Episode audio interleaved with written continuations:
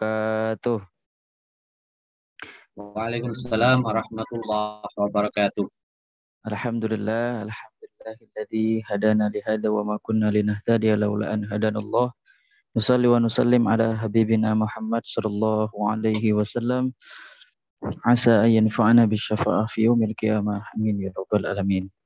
Alhamdulillah pada kesempatan malam hari ini kita dapat kembali melanjutkan kajian kitab Tuhfatul Murid syarah dari Jauharatul Tauhid bersama Al Ustadz Khalili Hasib melanjutkan kajian kita sebelumnya yang sempat tertunda minggu yang lalu.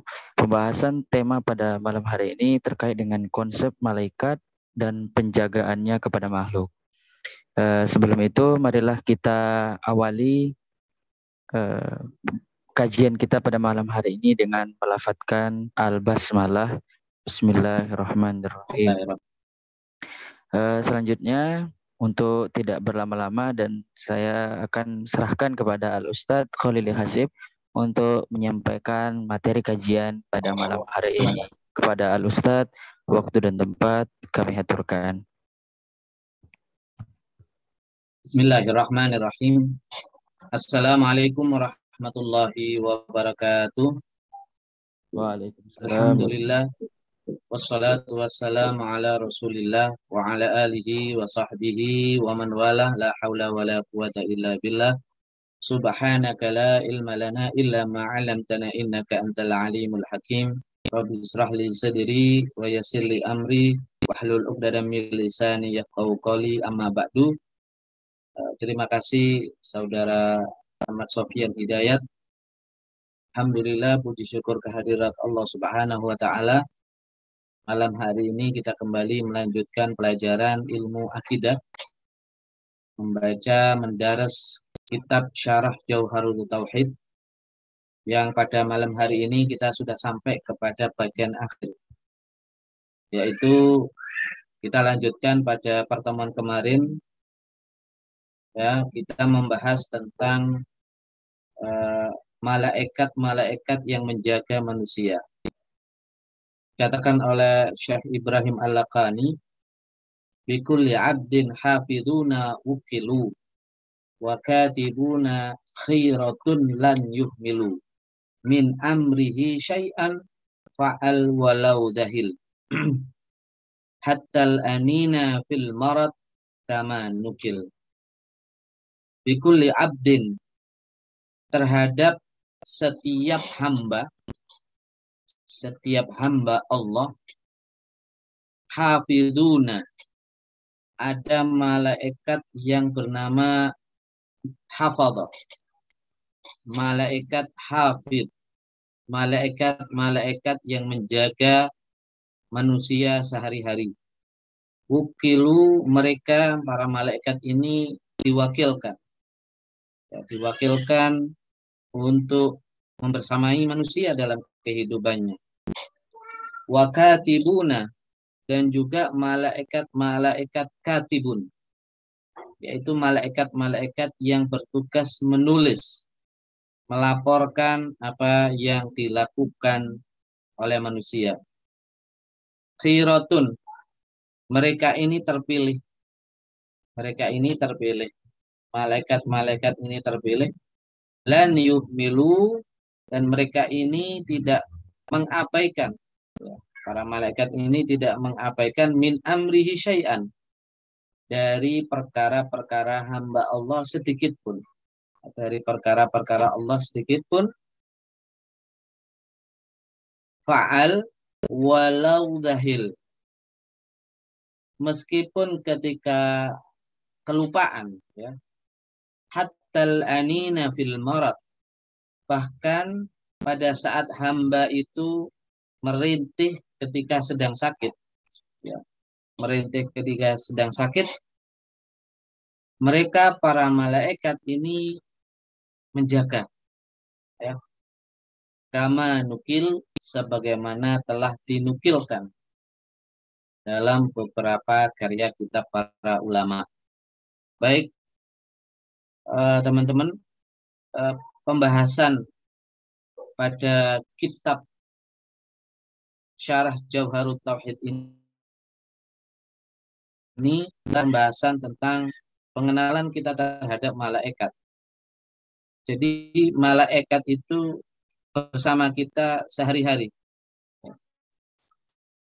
Malaikat itu tidak pernah jauh dari kehidupan manusia. Wakkalahum wakkalahumullahu ta'ala bikulli abadin. Allah mewakilkan para malaikat untuk mengurus bikulli abdin setiap urusan hamba-hambanya. Wa wasyamilul lil insani wal jinni wal malaikah. Dan ini melingkupi ya, urusan ini melingkupi manusia, jin, para malaikat. Meskipun nanti ada ikhtilaf, ada perbedaan para ulama, apakah malaikat juga itu dijaga oleh malaikat? Nah, Jin itu juga mendapatkan penjagaan dari hafazah, malaikat hafidun juga sebagaimana manusia. Waqad taraddada al-Jazuli fil jinni wal malaikah. Imam Jazuli dalam persoalan penjagaan malaikat terhadap jin dan penjagaan malaikat terhadap malaikat. Nah, ini terdapat ya, beberapa keraguan-keraguan. Apakah alaihim hafadhatun amla apakah mereka ini sebagai para manusia ini mendapatkan penjagaan daripada malaikat hafadhah ini? Ya. Thumma jazima bi annal jim alaihim hafadhah. Kemudian ditetapkan bahwasanya kalau jin itu memang mendapatkan penjagaan dari malaikat hafidun nah, jadi yang mendapatkan penjagaan dari malaikat hafidun adalah jin dan manusia. Nah, adapun malaikat istab'adal qalbi dzalika fil malaikat. Pendapat bahwasanya malaikat dijaga oleh malaikat itu merupakan pendapat yang jauh. Artinya di sini waqala al-musannif ya, penulis kitab ini lam akifu alaihi li ghairi. Artinya tidak berpendapat seperti itu. Artinya malaikat yang enggak mendapatkan penjagaan dari malaikat ini. Ya, wa zahir annal malaikat ala hafadha alaihim. Bahwasanya malaikat itu tidak dijaga oleh malaikat hafidun. Jadi kehidupan sehari-hari kita bersama malaikat. Oleh sebab itu kita harus bersyukur kepada Allah Subhanahu wa taala yang telah mewakilkan ya kita itu bersama malaikat. Sehari-hari tidak lepas. Kecuali ada saat-saat tertentu di mana malaikat itu menjauh ya. Ada saat-saat di mana malaikat itu tidak menemani manusia. Nanti akan dijelaskan dalam dalam bab ini.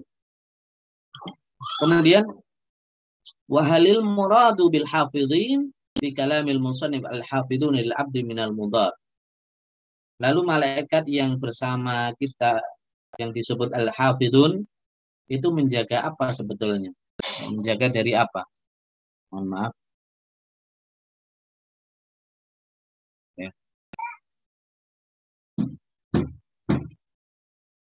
Apakah mereka ini al-hafidhun lil abdi minal mudhar? Apakah mereka ini menjaga manusia itu dari sesuatu yang membahayakan? Ya, membahayakan.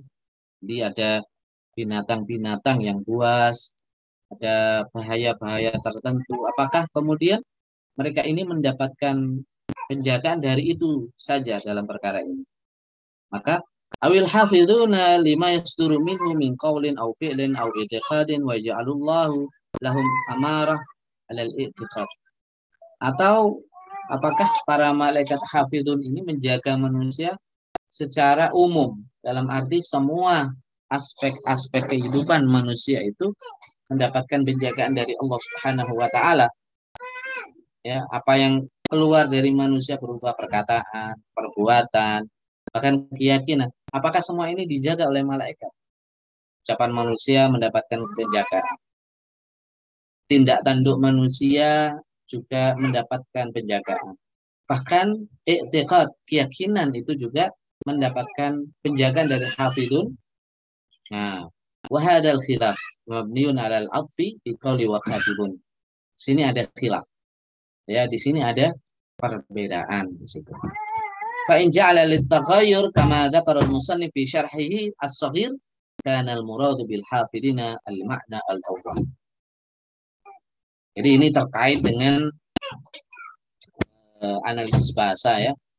Pendapat pertama, pendapat pertama bahwasanya malaikat ini al-hafid ya, al-hafidun ini menjaga manusia dari mara bahaya saja. Kalau ada bahaya yang menimpa manusia, malaikat itu akan menjaganya. Ya, itu yang pertama, makna pertama. Jadi penjagaan itu khusus dari mara bahaya, bahaya-bahaya yang mengancam manusia.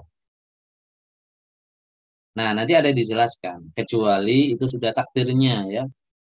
Ya, misalnya manusia digigit binatang buas, takdirnya seperti itu. Maka malaikat ini tidak ikut dalam persoalan itu. Ya, tidak ikut dalam persoalan-persoalan. Artinya eh, ada bahkan ya, ada bahkan malaikat itu yang menjaga dari masuknya binatang-binatang apa apakah binatang yang jahat, apakah itu ular yang menyerang kita sehingga kita terhindar dari itu. Nah, jadi dalam dalam hal ini ketika kita ya, ketika kita itu selamat dari mara bahaya, ya, selamat dari mahara bahaya, selamat dari serangan-serangan binatang buas, maka sesungguhnya di situ ada peran malaikat yang melindungi kita. Ya, tentunya Allah ini yang menentukan. Tentunya Allah Subhanahu wa taala yang memberi perintah bahwasanya si fulan hamba ini tidak tidak mendapatkan celaka. Seorang manusia selamat dari apa bencana alam misalnya. Itu ada peran daripada Allah Subhanahu wa taala diperintah uh, ada peran malaikat diperintah dari Allah Subhanahu wa taala supaya orang ini diselamatkan. Karena saya mentakdirkan kata Allah Allah mentakdirkan bahwa hamba ini selamat. Maka yang menyelamatkan itu langsung oleh malaikat. Maka tiba-tiba misalnya ada keajaiban-keajaiban nah keajaiban-keajaiban ini semua dari malaikat oleh sebab itu kita harus berterima kasih kepada Allah Subhanahu wa taala, juga berterima kasih kepada para malaikat kita. Ya, malaikat-malaikat yang selalu bersama kita. Ya. Ada binatang yang mau masuk ke dalam eh, mata kita misalnya. Tiba-tiba dengan refleks binatang itu tidak bisa masuk karena ada ada ini ada apa alis ada bulu bulu bulu bulu mata sehingga nggak bisa masuk. Itu semua ada peran daripada malaikat yang disebut al-hafidun. Kemudian makna yang kedua wa in ja'ala li tafsir kama dzakara fi syarhi al-kabir kana al-murad bil hafidin al-ma'na tsani rajih al-awwal. Jadi makna yang kedua penjagaan apa? Penjagaan secara global dari semua aspek kehidupan manusia, ucapan, tindakan, keyakinan. Tapi ini pendapat yang tidak dipilih oleh al-musannif. Tidak dipilih oleh pendapat uh, apa, penulis kitab ini. Jadi pendapat bagaimana? Pendapat yang yang dipilih oleh penulis kitab yaitu bahwasanya malaikat itu menjaga minal mubah dari hal-hal yang membahayakan manusia. Adapun ucapan itu lepas dari pendapat perilaku itu bukan daripada uh, tugas dari al-hafidun, malaikat yang bernama al-hafidun. Jadi dan ini adalah pendapat pertama yaitu penjagaan dalam aspek dari segi jaga dari mara bahaya ya itu adalah pendapat yang dipilih dan itu adalah pendapat yang kuat. Baik. Waqad dzakara ba'dhum anna al-mu'aqibat Biqaulihi ta'ala lahu mu'aqibatun min baini yadayhi wa min khalfi yahfadunahu min amrillah. Nah ini. Ada juga malaikat itu yang bernama mu'aqibat. Siapa mu'aqibat itu? Yaitu malaikat yang berganti-ganti menemani hamba manusia. Jadi tidak ada, ada apa uh, uh, tidak selalu tidak selalu malaikat tertentu itu selamanya ya itu bersama manusia. Jadi ada ada kadang e, malaikat itu berganti-ganti ya. Berganti-ganti ya. E,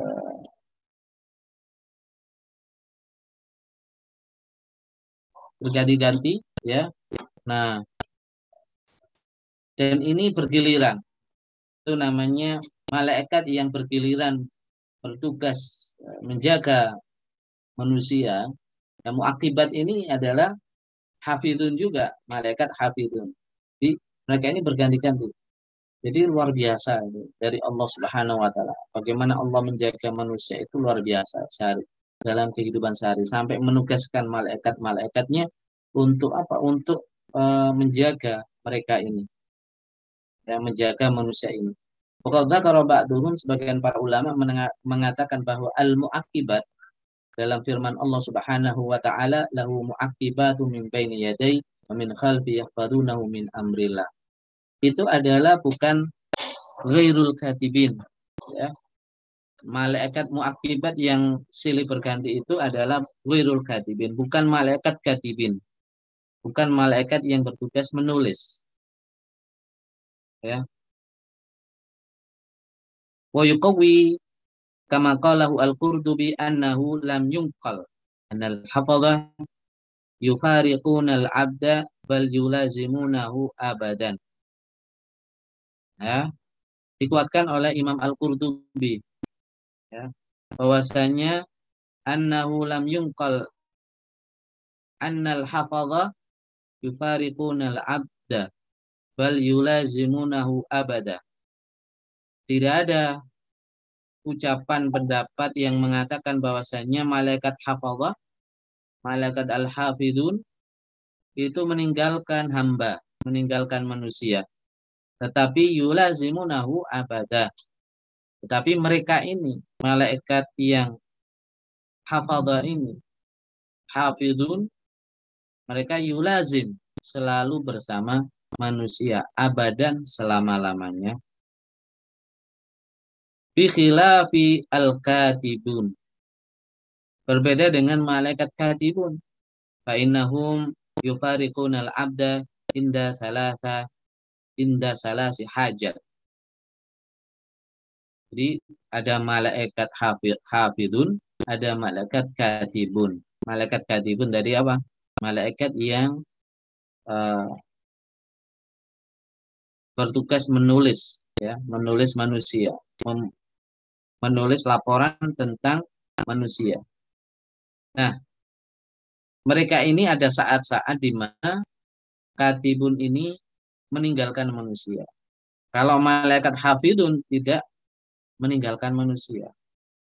Nah, malaikat kadibun ini yufarikun abda indah salati hajat. Ada tiga keadaan di mana manusia itu tidak dibersamai oleh katibun. Pertama, indah qada'i hajatil insan. Ketika manusia itu punya hajat qada'il hajah. Apakah itu buang air kecil, baulan ghaitan, buang air kecil atau buang air besar. Oleh sebab itu ketika masuk kamar mandi, apakah kita mandi, apakah kita buang air, itu tidak ada malaikat yang membersamai. Malaikat katibun tidak membersamai. Ya. Nah, adapun malaikat hafidun tetap membersamai. Jadi kita itu setiap saat diawasi oleh malaikat. Ya, dan itu semua dilaporkan kepada Allah Subhanahu wa taala. Itu keadaan pertama. Wa indal jima'i ketika seorang manusia itu jima berhubungan suami istri. Malaikat nggak mau ikut campur di situ. Jadi malaikat katibun tidak ikut campur manusia ketika buang air, kecil atau besar, ketika berjima, wa indal ghasli, juga ketika mandi. Oleh sebab itu, dalam kondisi tiga ini, manusia jangan sampai lepas ingatan dari Allah. Bagaimana caranya supaya tidak lepas ingatan dari Allah? maka sebelum melakukan tiga perkara untuk tiga hajat ini, maka disunnahkan, dianjurkan untuk berdoa. Sebelum masuk kamar mandi berdoa. Ya. apa pun keperluan di kamar mandi itu. Baik itu buang air kecil, buang air besar, atau mandi. Ya, keluar dari kamar mandi juga berdoa. Ya, karena ketika di dalam kamar mandi itu di dalam malaikat pun. Ya. Wa indal jima ketika mau melakukan hubungan suami istri. Ya, juga disunnahkan untuk membaca doa di situ. Kama ja'a dzalika fi hadis Ibnu Abbas radhiyallahu anhu sebagaimana uh, diriwayatkan dari hadis Ibnu Abbas radhiyallahu anhu. La yumna dzalika min kitabati ma yasduru minhu fi hadil ahwal. Kalau malaikat kati pun tidak ikut serta dalam tiga keadaan ini, apakah tidak ada pencatatan ketika tiga kondisi ini tidak. Dalam hadis diriwayatkan oleh uh, Ibnu Abbas tetap ada penjaga uh, apa ada laporan tertulis. Tetap ada laporan tertulis dari malaikat katibun meskipun di kamar mandi meskipun ketika berhubungan suami istri ketika berjima ya tentu malaikat punya cara ya. Li Allah yaj'ala lahum alama ala dzalik kama marra fil i'tiqad jadi Allah sudah menjadikan mereka manusia um, apa malaikat itu tetap bisa mencatat dalam tiga kondisi ini meskipun tidak membersamai manusia fi ghairi hadil ahwal la yufariqunahu walau kana baituhu fihi jarasun aw kalbun aw surah nah di luar ini malaikat katibun membersamai manusia. Di luar ini malaikat membersamai manusia. Jadi malaikat itu selalu bersama manusia, tidak berpisah. Malaikat katibun, malaikat yang mencatat itu. Ya, tidak berpisah dengan manusia. Walau kana fi baitihi jarasun au kalbun au surah. Kalau misalnya di rumah itu ada ada anjing, ada gambar, ada apa jaros. Jaros ini apa kalau di dalam gereja itu bunyi itu alat bunyi dalam gereja itu apa? Bel. Lonceng. Bel ya. Apa? Kalau di gereja istilahnya apa? Lonceng. Lonceng. Lonceng. Lonceng. Lonceng.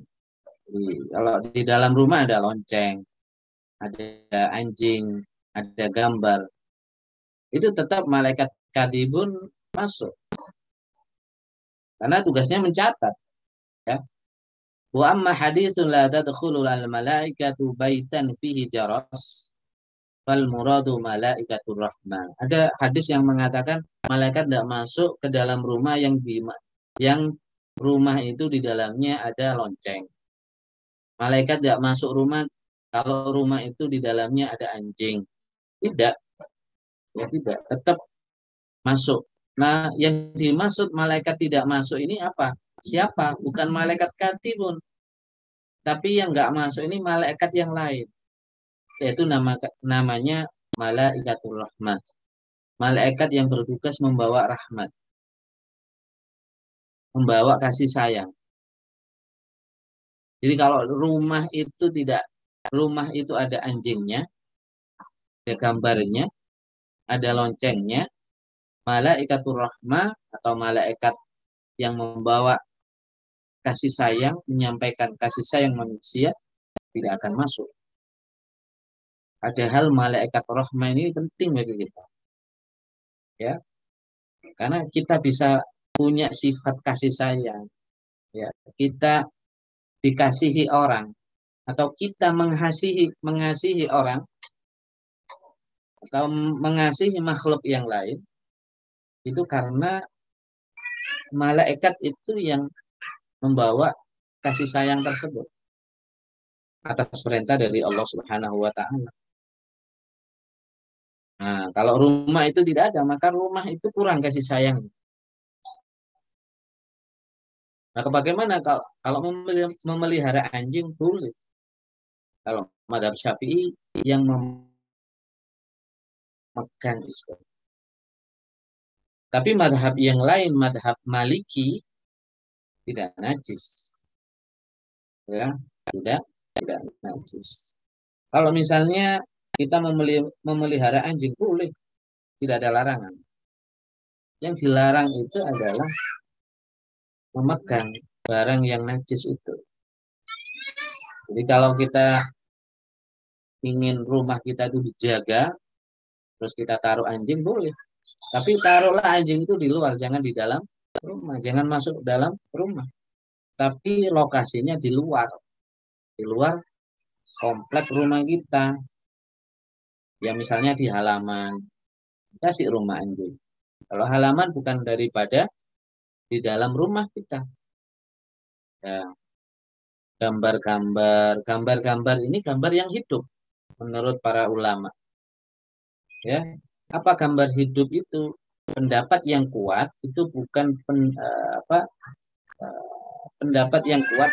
Surah di sini gambar hidup itu apa?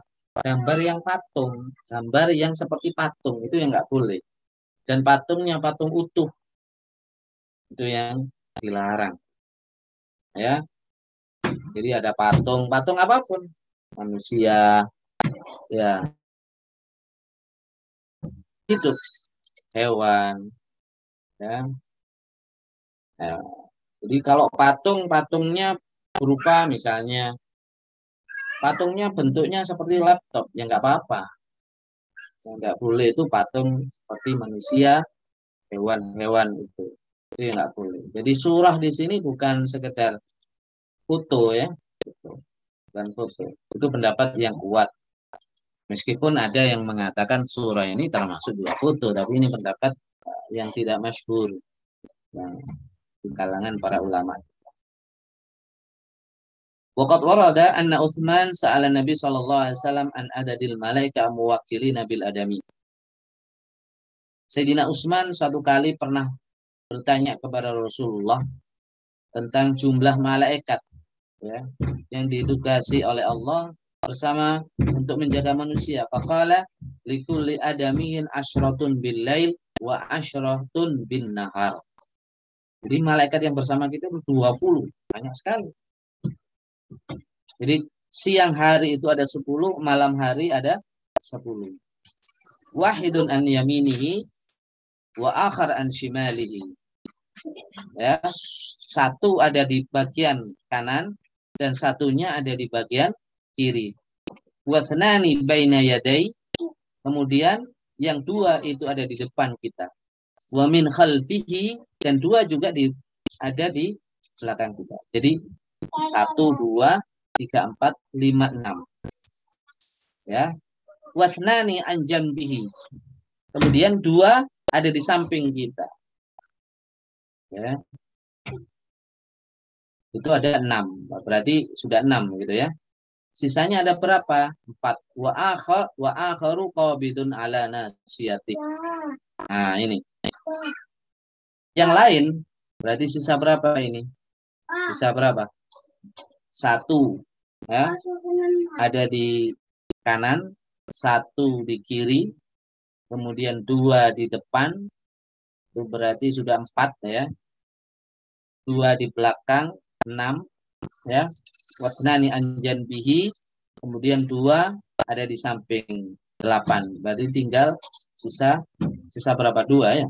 Wa akhir ya dua ini qabidun ala nasyati ini menggenggam ubun-ubun kita. Jadi ubun-ubun kita itu masya Allah dipegang malaikat. Ya. Wa in tawadha'a rafa'ahu wa in takabbara wada'ahu masya Allah ketika ada manusia itu tawaduk. Ya bahasa Jawanya andap asor. Ya sopan santun tawaduk ya.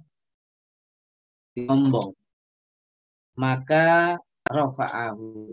Maka malaikat ini mengangkat kepalanya kepala manusia itu. Diangkat kepala manusia itu wa in takabbara wada'ahu. Cuma kita nggak tahu ya, nggak lihat gitu. Wa in takabbara wada'ahu. Kalau seorang hamba ini takabur, sombong, maka justru oleh malaikat yang memegang umbun-umbun ini di di apa di direndahkan. Jadi, jadi ini pegang kepala kita ini malaikat dipegang kepala kita. Ketika seorang manusia kita kita sombong, maka di direndahkan sama malaikat, direndahkan. Wasnani ala syafataihi. Dua malaikat itu ada di dua bibir kita, masya Allah. Ya, malaikat alaihi wassalatu wassalam. Sunnah kita beri doa alaihi salam. Walaisa yahfadani alaihi illa salah ala Nabi sallallahu alaihi wasallam. Ini keistimewaan. Dua malaikat itu menjaga dua bibir kita ketika manusia itu membaca sholawat kepada Nabi Muhammad Sallallahu Alaihi Wasallam dengan sholawat bentuk apa pun ya kalau paling pendek itu Allahumma salli ala Sayyidina Muhammad. Itu yang pendek. Itu langsung malaikat ini menjaga bibir kita. Supaya bibir kita itu terjaga terus perbanyak baca sholawat Allahumma salli ala Sayyidina Muhammad. Allahumma salli ala Sayyidina Malaikat alaihi salatu wassalam. Wal ashir kemudian yang ke-10 ya ini berarti tadi yang 8 ya. Berarti ini yang ke-10 ya harus suhu minal hayya an tadkhula fahu. Nah ini Masya Allah. Jadi yang ke-10 ada malaikat yang menjaga mencegah ular itu masuk ke dalam mulut. Ya, makanya kalau ada ular jarang masuk ke dalam tubuh manusia. Bisa masuk. Ular itu berusaha masuk. Ada lubang masuk. Manusia kita ada lubang hidung, mulut, telinga, ada lubang.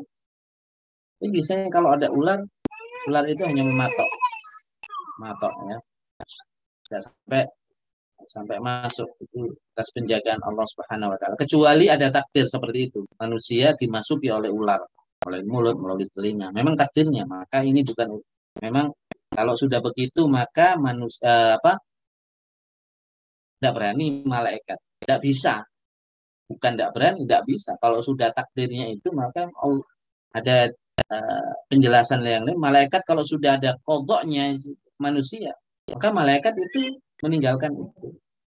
Tidak tidak apa? Tidak ikut menjaga itu, dibiarkan. Karena dibiarkan itulah maka tidak ada penjaga. Ya. Wa fi ba'di riwayat annahu dzakara 20 malakan. Ada yang mengatakan apa, malaikat yang bersama kita itu ada 20. Walhasil banyak lah. Kalau 10 saja itu apa, siang itu 10, malam hari 10. Ya, ini banyak sekali malaikat yang menjaga bersama sama kita. Wa dzakara al-Ubay annahu yaqfat li bin Atiyah anna kulla adamin yuwakkal bihi min hainin wuqu'i nutfi nutfati bil rahim ila mautihi arba'umi'ati malakin. Ada pendapat yang mengatakan bahwasanya sejak manusia itu lahir ya bahkan ini belum lahir ketika masih dalam bentuk nutfah. Apa itu apa? Calon ini bakal menjadi bayi janin manusia. Sebelum menjadi janin manusia, itu di dalam rahim ibu itu sudah malaikat bersama itu. Sampai kemudian meninggal dunia. Jumlahnya ada berapa? Banyak sekali di situ dikatakan arba umi ati malaikat. 400 malaikat. Hafadahum lil abdi. Mereka semua menjaga hamba Allah innama huwa minal mu'allaq. Nah, ini. Jadi malaikat yang hafadha ini hafidun malaikat penjaga manusia ini ia hanya menjaga minal mu'allaq takdir yang mu'allaq, qadha yang mu'allaq. Ya, takdir takdir apa kodok itu kan ada mu'allak, ada mubrom. Di awal-awal sudah kita bahas pelajaran. Nah, mubrom ini tidak bisa di, di ini diubah karena itu ketentuan langsung sejak zaman dahulu kala oleh Allah Subhanahu wa taala dan tidak berubah. Ya, itu namanya mubrom. Kalau sudah ini maka fala buddha min infadi maka kepastian terjadi kalau seperti itu. Karena itu sudah keputusan dari Allah sejak lama. Misalnya kapan manusia itu meninggal dunia, kenapa meninggal dunia, apa karena sakit atau hal yang lain, ya itu bukan urusan eh, apa malaikat hafadhah untuk menjaga. Justru fayatanah hauna anu hatta yanfat. Malaikat menjauh sampai takdir itu terjadi.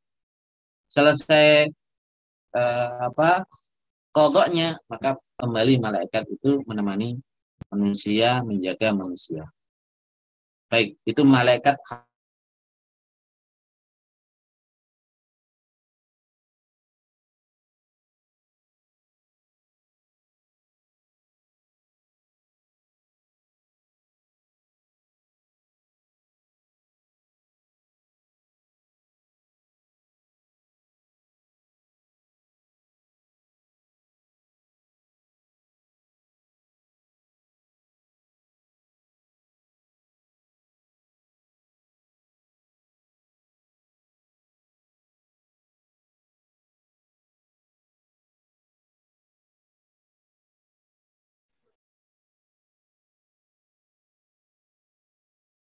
Assalamualaikum. Terputus tadi ya. Mohon maaf. Iya, sedikit terputus tadi. Oke, saya saya lanjutkan ya. ya. Jadi wakatibuna khairatun ay muhtarun. Malaikat yang tugasnya menjaga manusia ini memang dipilih oleh Allah. Malaikat-malaikat tertentu dipilih oleh Allah Subhanahu wa taala. Waqad alimta annahu waqa ikhtilafun fi hadzal ataf faqila li taghayyur wa qila li tafsir. Sudah kita bahas tadi wal haq al awal di malaikat yang menjaga itu menjaga apa? Minal mudor dari mara bahaya. Ya.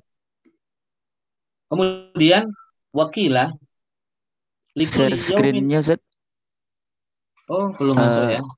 Belum Z. Karena keluar tadi. Oh ya, setelah keluar nggak masuk. Hmm. Udah ini ya, tampil. Sudah, sudah Z. Oke. Okay. Saya sudah sampai di sini. Di mana wakila ya wakila likulli yaumin walailatin malakan. Ada yang mengatakan likulli yaumin walailatin malakan. Setiap uh, hari pagi dan malam itu ada dua malaikat. Yaum malakani ya. Satu hari itu dua malaikat walailah malakani. Kemudian semalam itu dua malaikat berarti ada fatakunu malaikah arba'atun.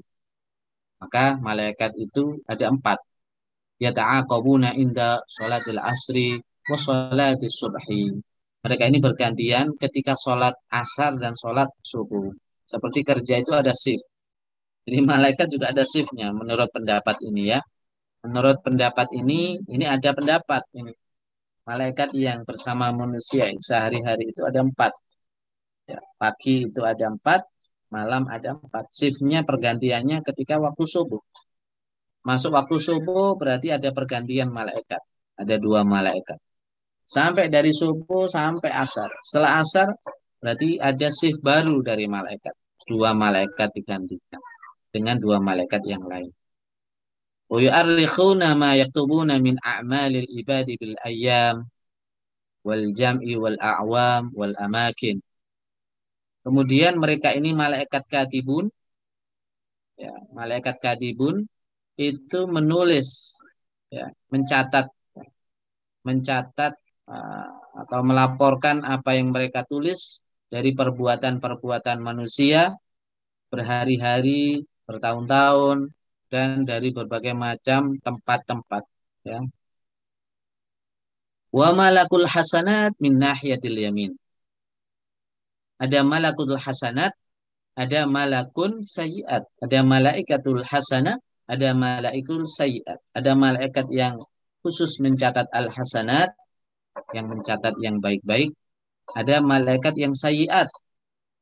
Bukan malaikat yang jelek, tapi malaikat yang bertugas menulis khusus yang perbuatan-perbuatan jelek daripada manusia. Kalau yang baik, niyahiyatil yamin. Itu di kanan. Kalau yang buruk, nahiyatil yasar. Di kiri. Wal awal aminun au amirun ala thani. Kemudian yang pertama itu adalah penjaga, pemimpin. Artinya yang kanan itu menjadi pemimpinnya, penjaganya, alasani ya, terhadap yang kedua. Jadi yang menjadi tuannya adalah malaik, malaikat yang mencatat hasanat. Nah, malaikat sayiat itu ngikut kepada malaikat hasanat. Ya, faida fa'alal abdu hasanatan badara bi malakul yamin ila katab ila kitabatiha. Ketika hamba Allah itu melakukan perbuatan yang baik, maka segeralah malaikat yang ada di sebelah kanan itu mencatat kebaikan manusia. Wa idza fa'ala sayyi'atan ketika manusia melakukan perbuatan tidak baik, qala malakul yasa. Berkata malaikat yang ada di sebelah kiri, ini kan perbuatan jelek, perbuatan jahat, dosa. Maka per, malaikat yang ada di sebelah kiri bertanya kepada malaikat yang ada di sebelah kanan. Wahai malaikat, apakah saya tulis keburukan manusia ini, kejahatan, kemaksiatan manusia ini? Apa jawab malaikat yang di sebelah kanan? La, jangan dulu. Padahal ini manusia sudah ngelakuin perbuatan jahat. Udah maksiat. Ya, udah maksiat. Tapi dilarang oleh malaikat yang sebelah kanan. Jangan dulu. Nah, itu manusia diberi kesempatan sebetulnya. Diberi kesempatan. Lah, jangan dulu. La Allah yastaghfir wa yatub. Jangan-jangan dia itu ini malaikat itu husnudon luar biasa husnudonnya kepada manusia. Ya. Ya. Jangan-jangan dia itu lalai ya. Melakukan kekeliruan, melakukan dosa. Tunggu aja. Kalau lalai dia pasti kembali kepada jalan yang baik dan bertobat istighfar. Siapa tahu dia baca istighfar, siapa tahu dia tobat segera. Kita tunggu. Kata itu malaikat yang ada di sebelah kiri. Jadi apa pun itu apa kata malaikat yang sebelah kanan, mohon maaf, sebelah kanan. Wa idza fa'ala uh, yastaghfir fa idza madha sitta sa'at falakiyah sita saat falakiyah itu 6 jam betul ya, 6 jam. Karena kalau saat saja belum tentu itu jam. Itu saat ya, bahasa kita itu sesaat ya. Wa idza madha sitta sa'at falakiyah kalau sudah lewat 6 jam ya min ghairi taubatin tanpa ada tobat qala uktub. Ya jadi ditunggu sampai 6 jam. Udah maksiat udah udah melakukan kekeliruan ditunggu sampai 6 jam. 6 jam lewat gak ada perubahan gak ada kembali kepada jalan yang baik gak kembali kepada jalan Allah gak tobat gak baca istighfar. Oh, berarti ini ya sengaja kalau begitu. Maksiatnya sengaja maksiatnya memang betul-betul ingkar gitu. ingkar kepada kebenaran ya apa jalan yang benar. Akhirnya ditulis. Ditulislah sebagai jadi masih nunggu inilah kasih sayang Allah Subhanahu wa taala kepada manusia kepada hambanya melalui malaikat. Jadi betapa rahmatnya Allah itu kepada manusia sampai manusia yang sudah maksiat manusia yang sudah ingkar manusia yang sudah salah masih ditunggu sampai 6 jam. Ya, 6 jam. Beda ketika melakukan kebaikan, langsung nggak usah nunggu. Nggak usah nunggu satu saat, dua saat, tiga saat, tidak. Tapi langsung dicatat sebagai kebaikan. Inilah apa husnuzon Allah kepada manusia. Kasih sayang Allah kepada manusia. Maka kita harus balas. Kita husnudonnya kepada Allah. Ya. Kasih sayang kita kepada Allah. Kita balas. Ya. Kemudian setelah menulis ini maksiat, ya, atas perintah malaikat yang sebelah kanan, ya, ditulislah malaikat sebelah kiri, ya. Ini maksiat, ini dosa. Tapi kemudian kedua malaikat ini berkata, Aroha arohanallahu minhu. Apa itu? Aroha. Mudah-mudahan ya mudah-mudahan Allah mengistirahat saya dari menjaga orang itu. Artinya udah capek kalau orang maksiat. Orang maksiat itu capek. Apa tidak berkenan apa malaikat itu untuk, untuk apa? Untuk mencatat. Jadi mudah-mudahan Allah sampai mereka itu berdoa, mudah-mudahan Allah mengistirahatkan saya untuk mencatat yang jelek-jelek ini. Wahada du'aun alaihi bil maut. Ya, liyatahawwalan an musyahadatil maksiyah li'annahuma yata'adziyani bidzalik. Jadi ini adalah doa malaikat supaya mati gitu loh. Nah, kalau mati dia akan berpindah tugas. Ya. Supaya dia tidak melihat maksiat. Tidak berkenan dia melihat maksiat, ya. Kenapa? Setiap maksiat yang dilakukan manusia, dia ta'adziyani bidari. Malaikat yang ada di sebelah kiri ini yang pakai mencatat yang jelek-jelek ini merasa tersiksa. Jadi nggak enak, merasa nggak nyaman, merasa nggak nyaman, merasa nggak enak, tersiksa untuk Ya. Jadi seperti itu. Sehingga malaikat itu kalau manusia berbuat baik, paling senang itu malaikat. Paling bahagia. Ya, alhamdulillah. Apa manusia yang saya jaga ini berbuat baik. Meskipun sedikit perbuatan baiknya, langsung dicatat oleh oleh, oleh malaikat. Jadi bukan hal sesuatu yang besar itu yang kecil-kecil, kebaikan yang kecil pada manusia. Kebaikan bentuk apa pun yang kecil itu malaikat itu bahagia. Fi ba'dil asar anna kita badal mubahat alal qaul bihi likatib sayyi'at. Bagaimana kalau perbuatan itu perbuatan yang mubah? Ya, bukan dilarang tapi bukan diperintah. Ya. Nah, misalnya apa perbuatan-perbuatan mubah itu? Ya kita kita pelesir, melakukan pelesir. Ya, yang eh, apa refreshing itu boleh sesuatu yang mubah. Kita refreshing, kita plesir, kita bersenang-senang yang tidak maksiat ya. Senang-senang yang tidak maksiat. Makan-makan yang enak, itu boleh. Mubah kan. Ya. Yang halal tadi. Ya. Makan yang enak. Ini ini dicatat oleh oleh malaikat juga, malaikat katibun ini. Nah, tugasnya siapa ini? Malaikat yang kiri apa kanan? Ada yang mengatakan malaikat yang kiri, yang tugasnya mencatat uh, kejelekan. Annal mubah. Tetapi ada yang mengatakan, ada ulama yang mengatakan kalau perkara mubah tidak ditulis oleh malaikat. Karena nggak ada efek apa pun. Ya kan? Tidak ada efek apa pun. Wahadil kitab mimma yajibu al-iman biha. Di pencatatan malaikat terhadap perbuatan manusia itu adalah satu perkara yang mana kita wajib mengimaninya. Kalau tidak mengiman maka kufur. Saya furu mungkaruha ditakdibihi Al-Quran. Karena mendustai Al-Quran. Sebab malaikat yang mencatat manusia itu dijelaskan dalam Al-Quran. Kiraman katibin ya'lamuna ma taf'alun lakinnaha laisat hajatun da'at ilaiha. Tapi tidak ada uh, itu bukan dorongan untuk uh, tidak ada keperluan untuk mendorongnya. Wa innama faidatuha akan tetapi faedahnya apa? Annal abda idza ulima biha istahya wa taraka al. Jadi ini penting kita ketahui. Ada malaikat yang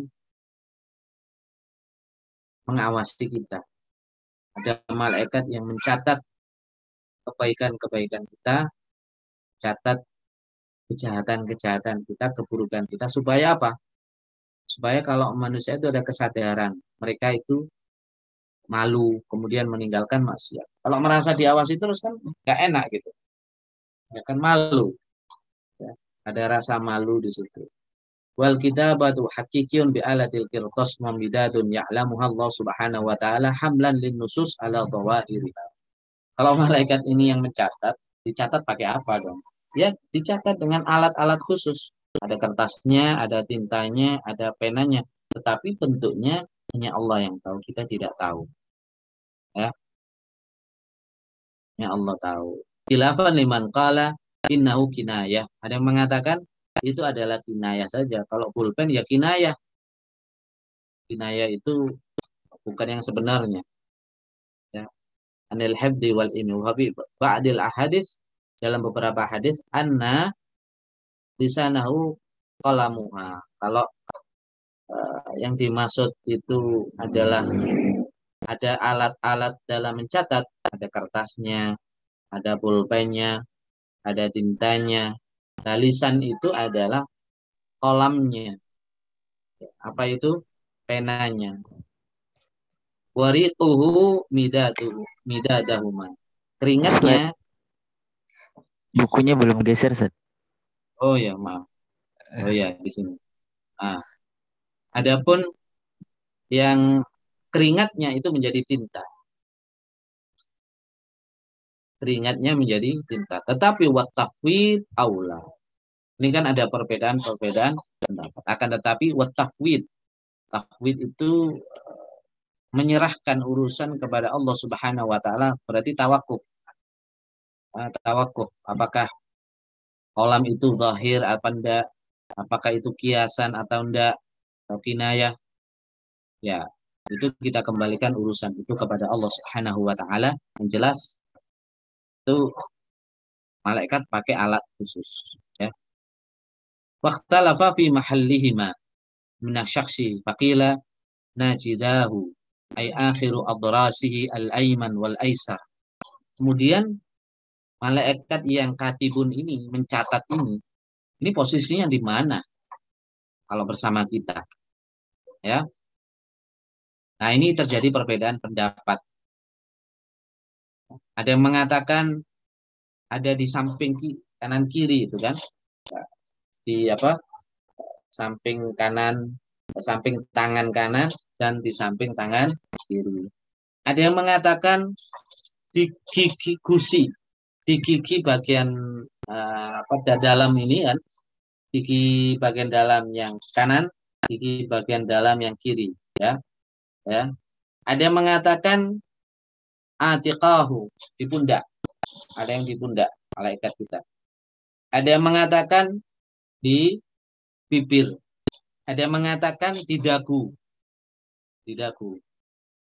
An mujahid diriwayatkan dari mujahid annahu in qa'ada kana ahaduhuma an yamini wal akhar an yasari. ketika manusia itu sedang duduk, ya, maka di samping kirinya ada malaikat. Di samping kanannya ada malaikat. Ikut duduk karena kalau ada ahaduma an yamini wal akhar an yasari. Wa in masyakan ahaduma amamahu wal akhar wara'ah. Kalau kita sedang berjalan, malaikat itu malaikat katibun satu ada di belakang, satu di depan. Ya.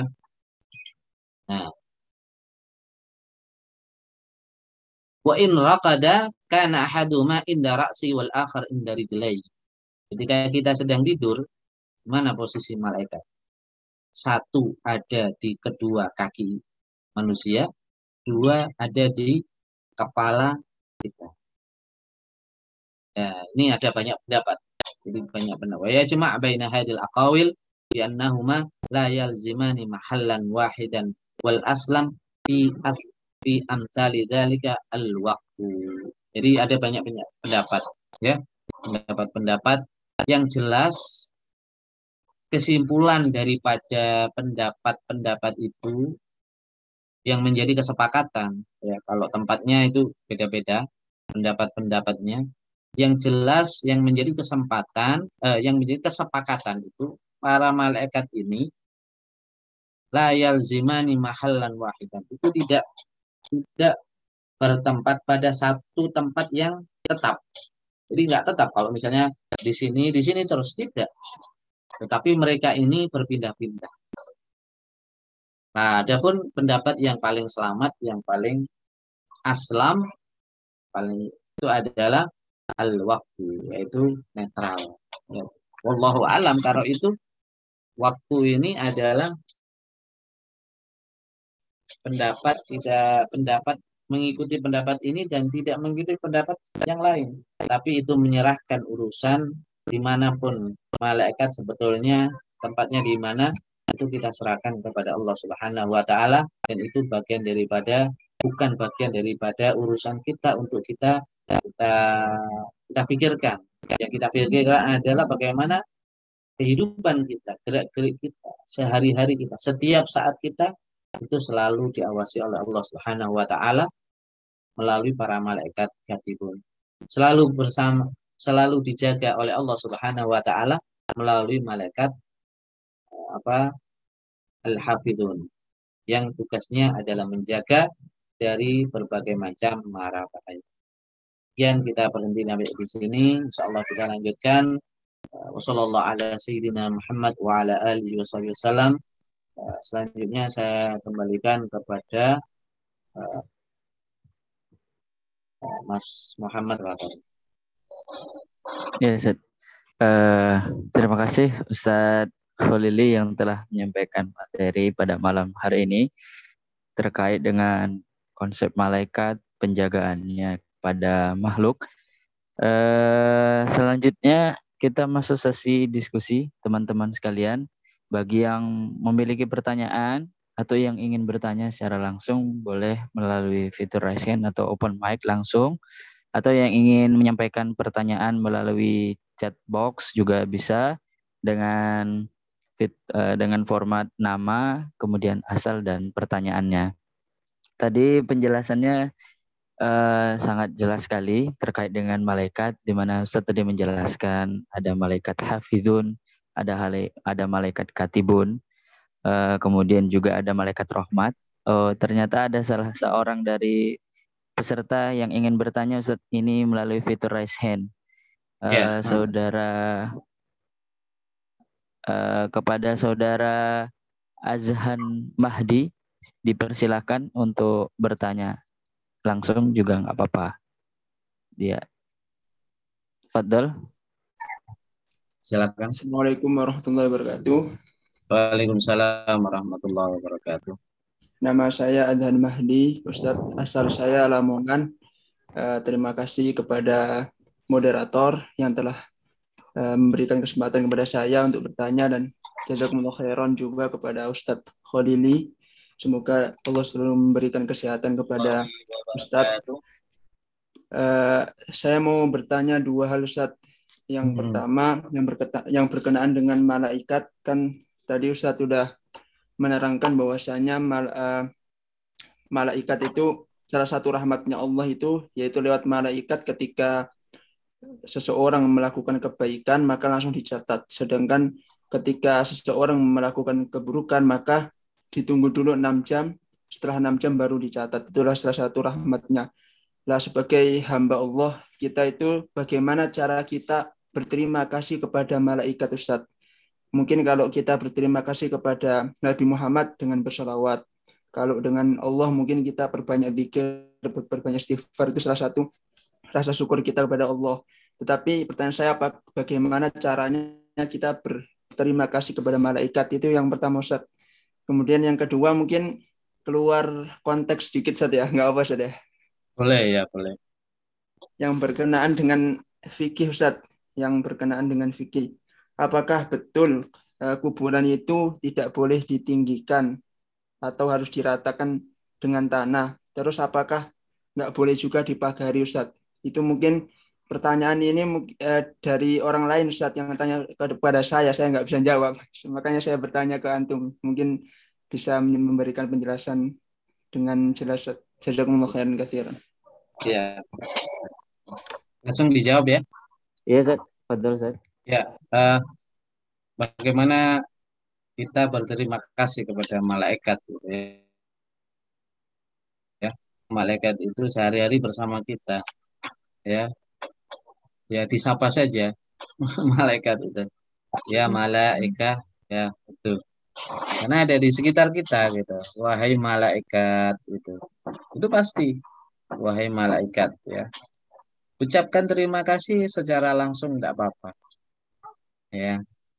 Tetapi ada ada satu adab di situ. Ketika kita membaca ada tulisan malaikat atau kita menyebut malaikat siapa pun itu maka kita ucapkan alaihi salam alaihi salatu wassalam alaihi salam ya kita uh, itu sebagai adab kita juga. Adab kita kepada malaikat. Itu itu boleh kita. Bahkan itu menjadi satu tradisi juga. Tradisi beberapa dalam kitab itu kalau eh, ditulis malaikat ada alaihimus alaihi salam alaihimus salam semoga mereka itu mendapatkan kesejahteraan ya kesejahteraan dan apa eh, kebahagiaan. Tentunya malaikat itu adalah makhluk Allah yang tidak pernah bermaksiat, ya, yang pasti berbeda keadaan kehidupannya dengan manusia. Ya, malaikat itu tidak punya nafsu, seperti halnya manusia punya nafsu. Ya, meskipun begitu, kita boleh mengucapkan itu ya. Atau supaya kita apa malaikat itu kita akan mau berterima kasih ya. Maka terima kasih kita itu dengan cara apa? Dengan cara kita banyak melakukan kebaikan. Dengan banyak melakukan kebaikan malaikat hafidun malaikat katibun ini bahagia sekali mereka sangat senang ketika manusia yang sedang ia jaga itu melakukan kebaikan, sedikit atau besar kebaikan tersebut yang dilakukan. Sebaliknya, kalau manusia itu sedang melakukan dosa maksiat, mereka merasa tidak nyaman, merasa tidak enak, seperti tadi disebutkan kan, bahkan merasa tersakiti, ya, merasa nggak enak, merasa tidak nyaman. Nah, kalau terus-terusan melakukan uh, maksiat, ketidakbaikan, perbuatan jahat, berarti kita sedang ingin mereka ini tidak enak. Nah, sebagai ucapan terima kasih, kita ingin sebagai hamba yang dijaga adalah mereka ini malaikat supaya merasa senang terus. Maka dengan selalu melakukan kebaikan berarti kita menyenangkan ya menyenangkan para malaikat yang sedang menjaga kita atau yang sedang eh, sedang bertugas menulis perbuatan-perbuatan kita. Itulah cara eh, apa kita berinteraksi ya. Muamalah kita dengan malaikat. Kita sebagai makhluk yang biasa bukan nabi tidak bisa melihat malaikat. Tapi malaikat yang bisa melihat kita. Meskipun begitu kita harus punya kesadaran bahwasanya setiap saat di sekitar kita dijaga oleh malaikat. Ya. Oleh sebab itu mintalah kepada Allah ya Allah jagalah saya kesehatan ya kemudian apa yang ada dalam diri kita kita jaga melalui malaikat-malaikat engkau. Ya itu selalu kita berminta kepada Allah Subhanahu wa taala. Itu yang pertama pertanyaan yang pertama. Kemudian pertanyaan yang kedua ya tentang makam. Ya tidak ada larangan. Tidak ada dalil untuk melarang untuk untuk meninggikan ya, ya atau bahasa Jawanya munduk. Ya Eh, tanah kuburan itu. Tidak ada. Tidak ada. Tidak ada dalil untuk melarang itu. Ya. Yang dilarang itu adalah kuburan dipakai untuk sholat. Ya. Membuat kuburan di dalam masjid. Ya. Menyembah kuburan. Itu yang tidak tidak boleh. Nah, adapun membuat pagar, membuat batas-batas, selama itu tidak tabdir, selama itu tidak apa boros dalam arti tabdir maka diperbolehkan. Kalau sampai tabdir maka itu dilarang. Larangannya apa? Larangan tabdir. Lah, larangan tabdir ini larangan bukan untuk hanya kuburan saja, makam saja. Ya. Tabdir itu dalam segala aspek. Berpakaian jangan bertabdir, berlebih-lebihan. Ya. Kemudian ya membangun masjid dengan cara hiasan-hiasan yang sangat bagus bukan sekedar tabdir itu tapi juga bisa sampai jatuh kepada makruh Nah, ini yang nggak nggak nggak banyak orang yang apa istilahnya eh, menghiraukan. Justru yang sangat jelas itu adalah memperhias masjid dengan berlebihan. Itu eh, apa yang nggak banyak orang menghiraukan. Justru dalam eh, kitab Ihya Ulumuddin Imam Al-Ghazali memberi peringatan terhadap hal ini akhir zaman itu adalah banyak kemungkaran dalam masjid. Mungkaratul masajid. Apa itu mungkaratul masajid fi akhir zaman, kata Imam Al-Ghazali?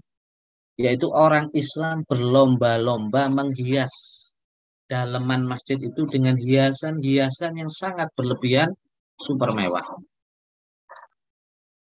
Memperindah masjid boleh, tapi sampai berlebihan itu yang tidak boleh.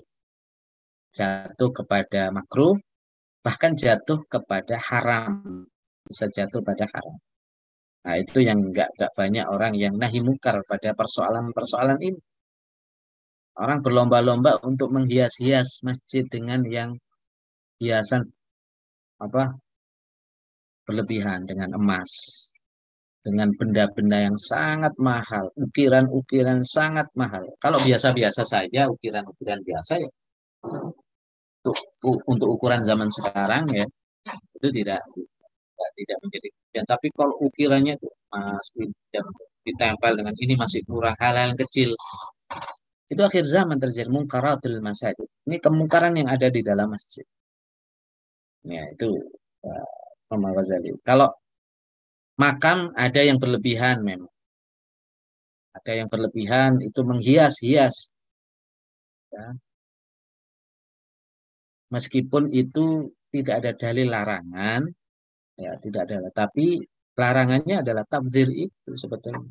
Nah kalau urusan masjid itu memang ada penjelasan dari para ulama. Khusus untuk masjid itu memang ada penjelasan bahwa ini bisa makruh, bisa haram. Ya. Bukan hanya tabdir, tabdir satu sisi iya tidak boleh.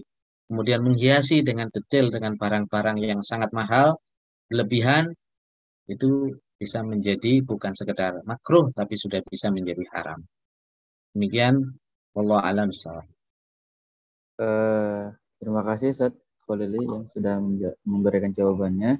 Ini ada satu penanya via uh, fitur raise hand Ustaz. Uh, Ustaz ya. Kamil Akbar kepada ya. saudara Kamil Akbar boleh menanyakan langsung kepada Ustaz. Ya, silakan Mas Kamil. Apa kabar? Ya, alhamdulillah.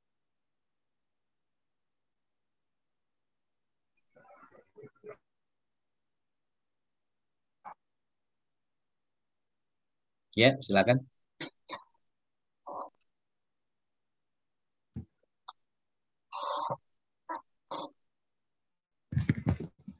Ustaz Kamil. Hmm. Uh, Audionya belum masih unmute. Mic-nya, Zat. Mic-nya. Oh, kayaknya ada gangguan mungkin. Iya, si sinyal. Oh, ini nah, kita sudah terbuka. Sudah. Kembali Ustaz. Uh, jadi ya, begini Ustaz. Uh, kan kita sudah jelaskan apa namanya uh, bentuk penjagaan uh, dari malaikat ya Ustadz ya. Uh, nah terhadap manusia. Nah apakah uh, bentuk yang serupa itu berlaku juga untuk yang bukan manusia, semisalkan jin Ustaz? Nah, uh, terus pertanyaan yang kedua uh, terkait ini Ustaz. Dulu kan Ustaz pernah menambahkan di ada busul murid ya yang Imam Haddad itu uh, tentang nafahat gitu. Nah, itu apakah malaikat punya peran andil dalam sampainya nafahat dari Allah terhadap seorang hamba Allah. Begitu Ustaz. Terima kasih. Oh iya. Nafahat itu uh, apa istilahnya hembusan yang berupa hidayah hidayah spiritual. Kalau saya kalian menyebutnya itu hidayah spiritual ya. Itu bisa menjadi ilmu bisa menjadi hikmah yang mana itu bisa, pokoknya bisa menjadikan manusia itu menjadi manusia yang bisa menempatkan diri di sisi Allah dengan tepat dan sangat betul ya. Dengan ukuran-ukuran yang sangat tepat dan mereka ini adalah orang-orang yang uh, mendapatkan uh, pancaran dari Allah Subhanahu wa taala. Lah, untuk yang model seperti ini ya Allah itu memberinya secara langsung kepada manusia. Ya, manusia yang ia kehendaki, siapa yang ia kehendaki itu adalah secara langsung. Jadi tidak melalui perantara. Ya. Ia berikan secara secara langsung. Tidak ada keterangan di situ. Bahkan di di dalam kitab-kitab Imam uh, Al Ghazali ya juga tidak ada keterangan. Itu apakah melalui malaikat atau tidak ya itu tidak ada keterangan tidak ada keterangan ya di secara langsung ya secara langsung tapi wakilah ya jadi bila kila itu ada yang mengatakan ada yang mengatakan ya tetap semua itu ada perantara malaikat karena nabi saja ada perantaranya ya, wahyu yang datang dari Allah Subhanahu wa taala itu saja ada perantaranya ya perantara malaikat Jibril ya. Nah, kalaupun ada perantara ya itu adalah perantara malaikatur rahmah. Maksudnya begitu. Malaikat yang membawa rahmat ya. Membawa tugasnya membawa rahmat. Karena itu bentuk hidayah dan itu yang diberikan oleh Allah yang nafahat itu adalah orang-orang yang ia kasihi ya orang-orang tertentu yang terpilih ya, yang mukhtar, terpilih yang ia kasihi oleh Allah Subhanahu wa taala. Ya. Tidak pernah ada penjelasan gitu. Siapa malaikatnya? Ya. Tidak ada penjelasan seperti itu. Alam sehingga tidak bisa dipastikan gitu. Sehingga pendapatnya kila, kila. Kila itu tidak bisa dipastikan. Kalau kita baca kitab kila itu biasanya pendapat yang lemah, tidak ada sandarannya. Kila ada yang mengatakan, katanya begini, katanya begini. Itu kila. Oleh karena sebab itu, kalau kila itu dalam fikih itu adalah fatwa yang lemah biasanya. Kila ada yang mengatakan rokok itu sunnah. Wah itu lemah itu misalnya ada seperti itu misalnya. Itu tidak ada sandarannya biasanya. Kalau dalam kitab-kitab fikih kila itu dipastikan dalilnya lemah biasanya. Nah, para fukoha, para ahli fikih, ini dalam konteks fikih ya, kalau dalam konteks dalam konteks fikih kila itu tidak dipakai, tidak dipakai. Bisa dipakai kalau dalam keadaan darurat. Ya, biasanya hal yang darurat itu darurat ngambil yang kilah itu. Ya, kalau nggak darurat, para ulama tidak ambil yang yang apa yang yang kilah. Kalau darurat saja itu diambil yang kilah. Ya. Nah, untuk yang nafahat ini, ya, nafahat itu kila karena tidak ada penjelasan. Ya.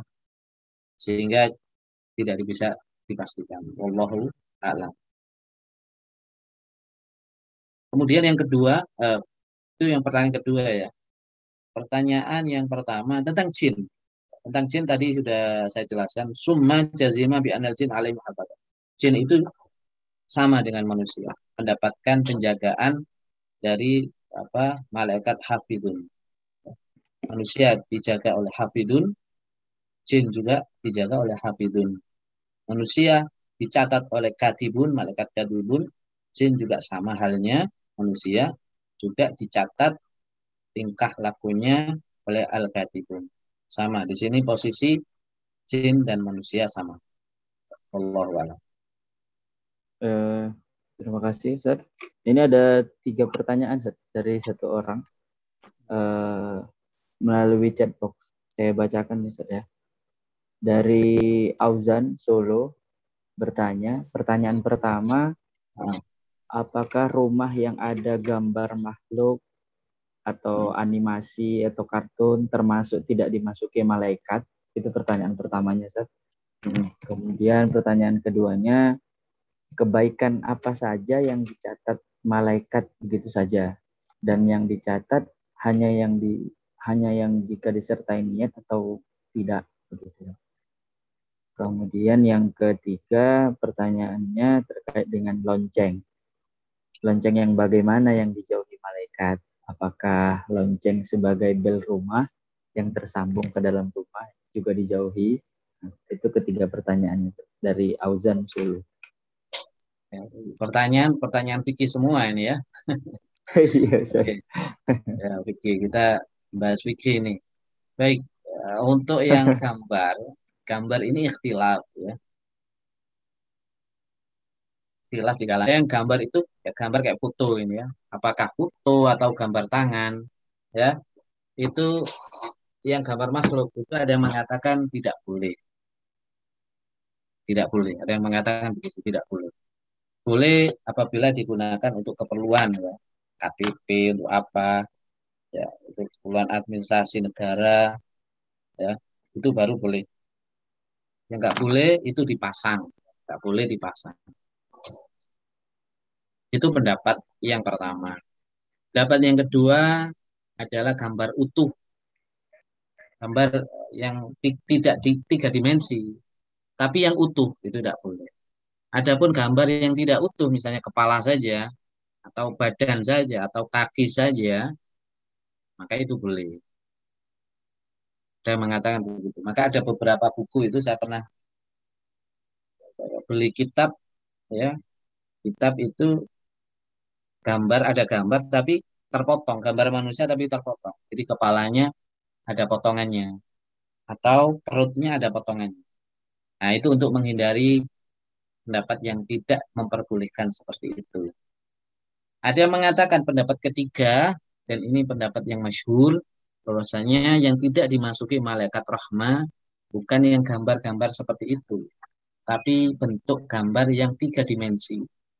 Tiga dimensi ini namanya adalah patung istilah istilahnya seperti patung yang tiga dimensi surah yang tiga dimensi.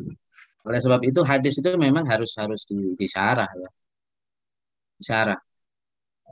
Nah, di sini ada tiga, tiga, tiga pendapat ya.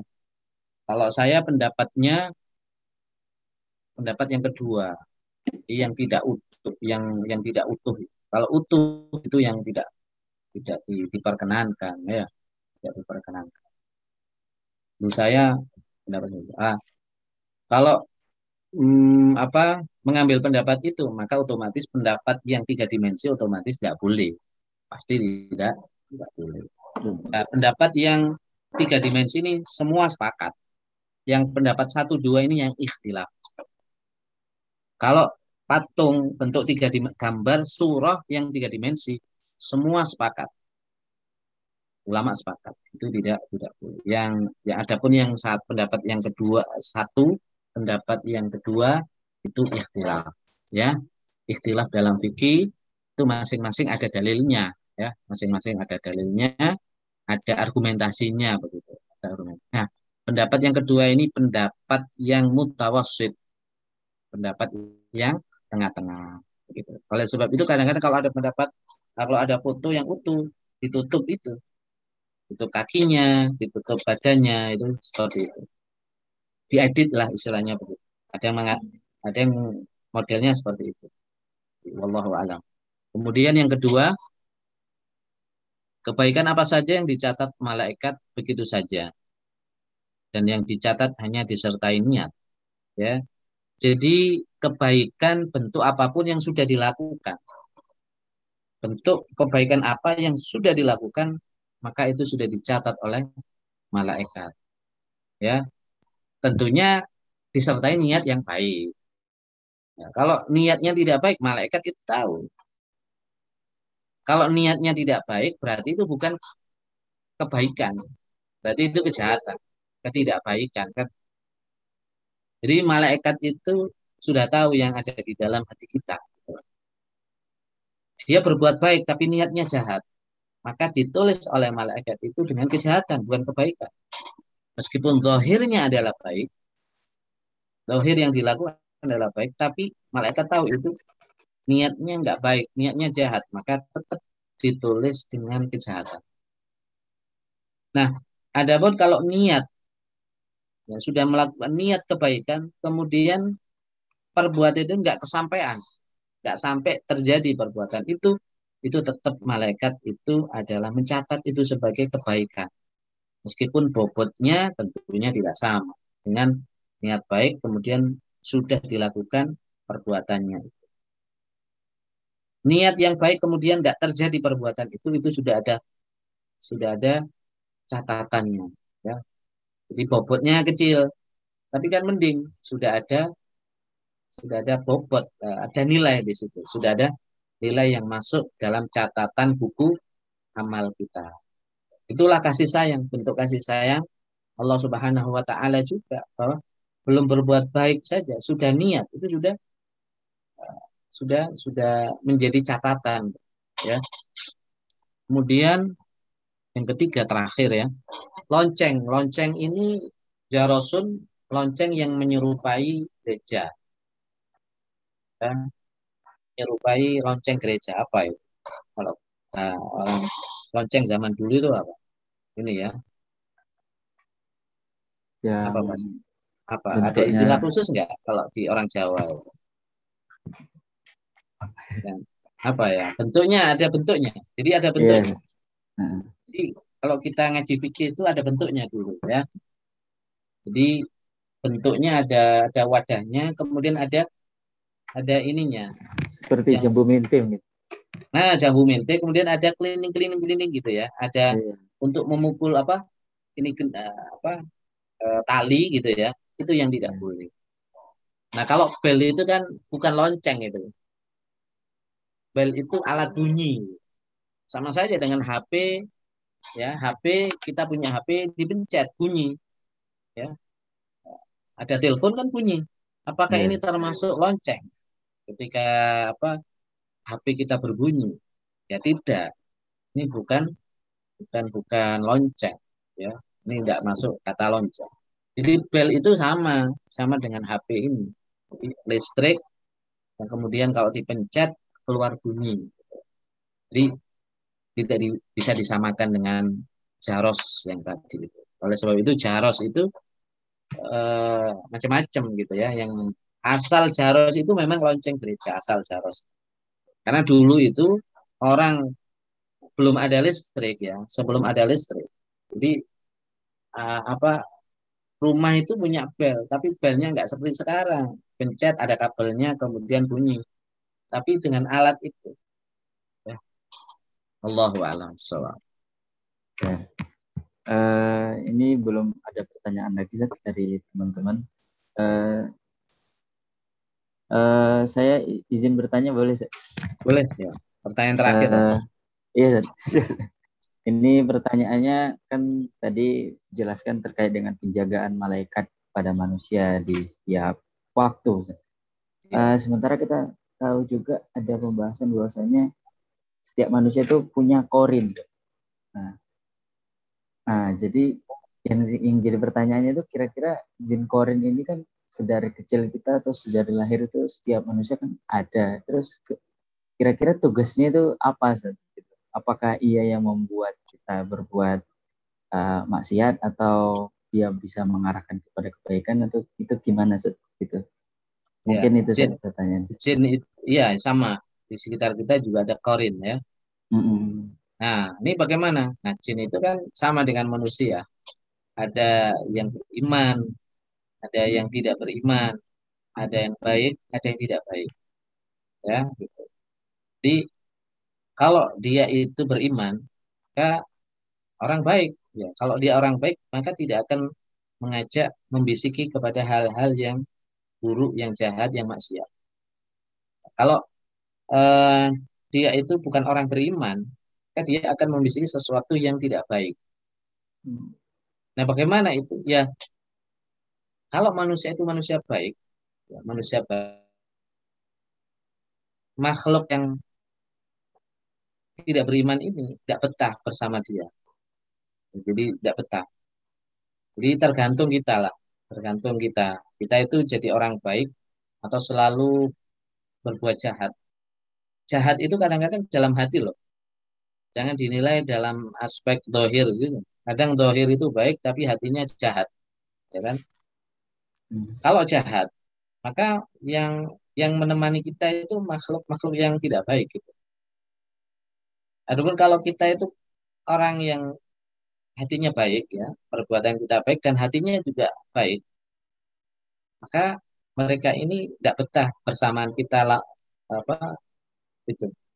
Ya, berbeda dengan malaikat. Kalau malaikat memang sengaja ditugaskan oleh Allah mau baik manusia itu mau kafir mau muslim mau mukmin hmm. Tetap mereka mendapatkan hafal itu jagaan. Nah, kalau korin korin itu tergantung kita pindah-pindah juga bisa mau akibat kayak kayak malaikat tadi mau akibat ya. Jadi kalau kita orangnya baik orangnya alim masya Allah ya korinnya nggak betah korin yang yang jelek nggak betah akhirnya lari gitu meninggalkan baru korin-korin yang Allah wala. Ya, Alhamdulillah. Uh, tadi pertanyaan terakhir dan kita berada di penghujung kajian kita. Semoga apa yang telah disampaikan oleh Al-Ustadz Khalil Hasib terkait dengan uh, konsep malaikat penjagaannya kepada setiap makhluk, terkhusus pada manusia, kita dapat mengerti dan dapat mawas diri untuk tidak melakukan maksiat karena di mana pun kita selalu diawasi. Merasa setiap saat diawasi agar terhindar dari segala kemaksiatan yang tidak kita inginkan. Uh, walakhir di ujung kajian ini terima kasih kepada Ustadz uh, Khalil Hasib. Semoga antum dan keluarga sehat selalu dan bisa bertetap muka kembali di pertemuan yang akan datang di minggu depan. Dan untuk teman-teman sekalian yang ikut dalam kajian ini, terima kasih sudah bergabung dengan kajian kitab Tufatul Murid. Semoga kita semuanya selalu istiqomah dan mendapatkan berkah dan ilmu dari apa yang sudah kita pelajari. Walakhir kita tutup dengan uh, ikhtitam bilhamdalah. Alhamdulillahirabbil alamin. Saya Muhammad Sofin Hidayat mengundurkan diri. Wassalamualaikum warahmatullahi wabarakatuh. Waalaikumsalam warahmatullahi wabarakatuh. Subhanakallahumma wa bihamdika nasyhadu an la ilaha illa anta nastaghfiruka wa natubu ilaik.